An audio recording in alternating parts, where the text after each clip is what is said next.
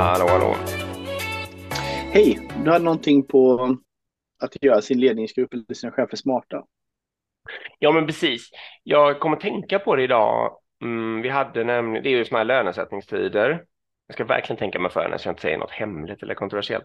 Men det är lönesättningstider. Vi jobbar med en matris där man eh, sätter prestationsbedömningar.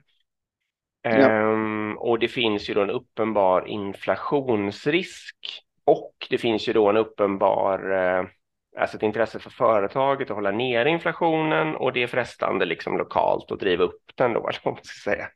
Det är ju, alltså, ja. jag har fullständig förståelse för det, men jag, jag, tycker också att de som är närmast mig är, är världsbäst, liksom. så jag säger mm. ingenting om det.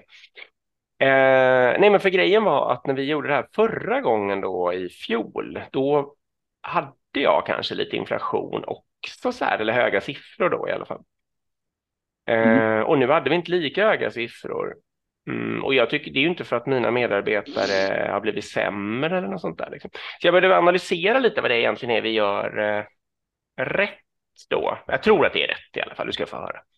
Nej, för då, vi har liksom, jag har försökt odla en kultur, jag och många kring mig, där vi kontinuerligt tittar på människors eh, villkor. Eh, vi har en sån här jobbarkitektur, vi tittar kontinuerligt över vilken sån här nivå man befinner sig på i den och så gör vi löneökningar i anslutning till det. Då. Mm. Och genom att liksom på något sätt få alla att tänka på det här, framförallt alla chefer då i organisationen, så städar vi på något sätt kontinuerligt undan då, så att om någon liksom strukturellt har, alltså gör ett svårare arbete helt enkelt, eh, då ser vi till att den hamnar på en högre sån här nivå och att vi anpassar lönen eh, i förhållande till att den gör det svårare arbetet och en strukturanpassning helt enkelt. Mm.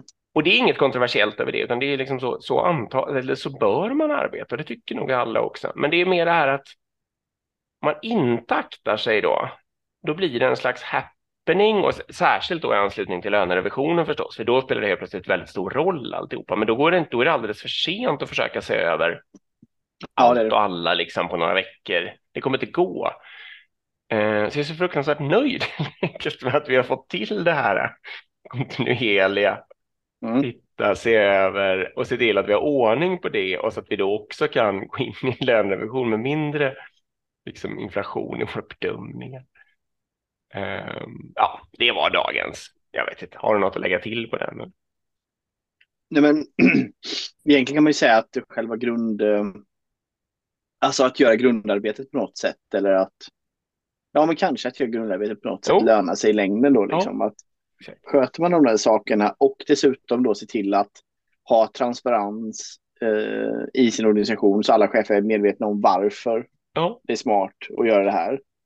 Då blir det ju liksom, och det är, det är bara nu det här är ett bra exempel, men det kan ju vara något annat också. Det kan ju vara nästa gång det blir en större omorganisation eller mm. något annat jobbigt som ska hända liksom. Att har man gjort grundarbetet på något sätt och satt förutsättningarna så, så är det ju såklart mycket lättare att det blir rätt än att man ska börja springa i panik. Liksom. Och jag tror största lärdomen här är, för jag har ju själv varit i ledningsgrupper där man springer i den här panik, eh, sista sekunden, nu ska vi in och röja. Alltså precis som du sa, mm. nu måste vi höja folk helt plötsligt, för nu, nu hamnar ju folk för lågt och det skriker panik och allting liksom. Eh, och det, det, som man tyvärr inte lär sig är, ju hur, hur undviker vi att vi hamnar här igen. Liksom. Nej. Uh, det, är, det är svårt att göra det, utan risken är bara att ja, skönt, nu, nu löser vi det lite halv, du vet, kvart i tolv liksom.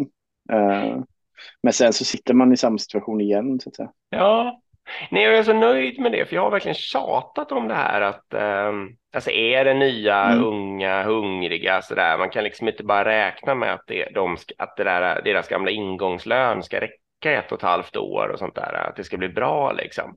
Utan man måste hela mm. tiden, och jag menar inte att alla ska höjas hela tiden och det gör vi självklart inte heller. Men, men just att man måste liksom tänka tanken hela tiden. Har det hänt något här? Har den här människan utvecklats? Liksom hur länge sedan? När började den och så där? Eh, och så agera på de fallen när det liksom är någonting som, eh, som mm. har hänt. Eller, eller, som sagt, det är någon som utvecklas väldigt snabbt för att unga drivna människor ofta gör det. Och så mm. eh, ja, så det är dagens spaning. Gör ett städjobb kontinuerligt om ni till exempel har en jobbarkitektur med lönestruktur. Det är bra. bra. Tack för idag. Tack. Hej. Hej.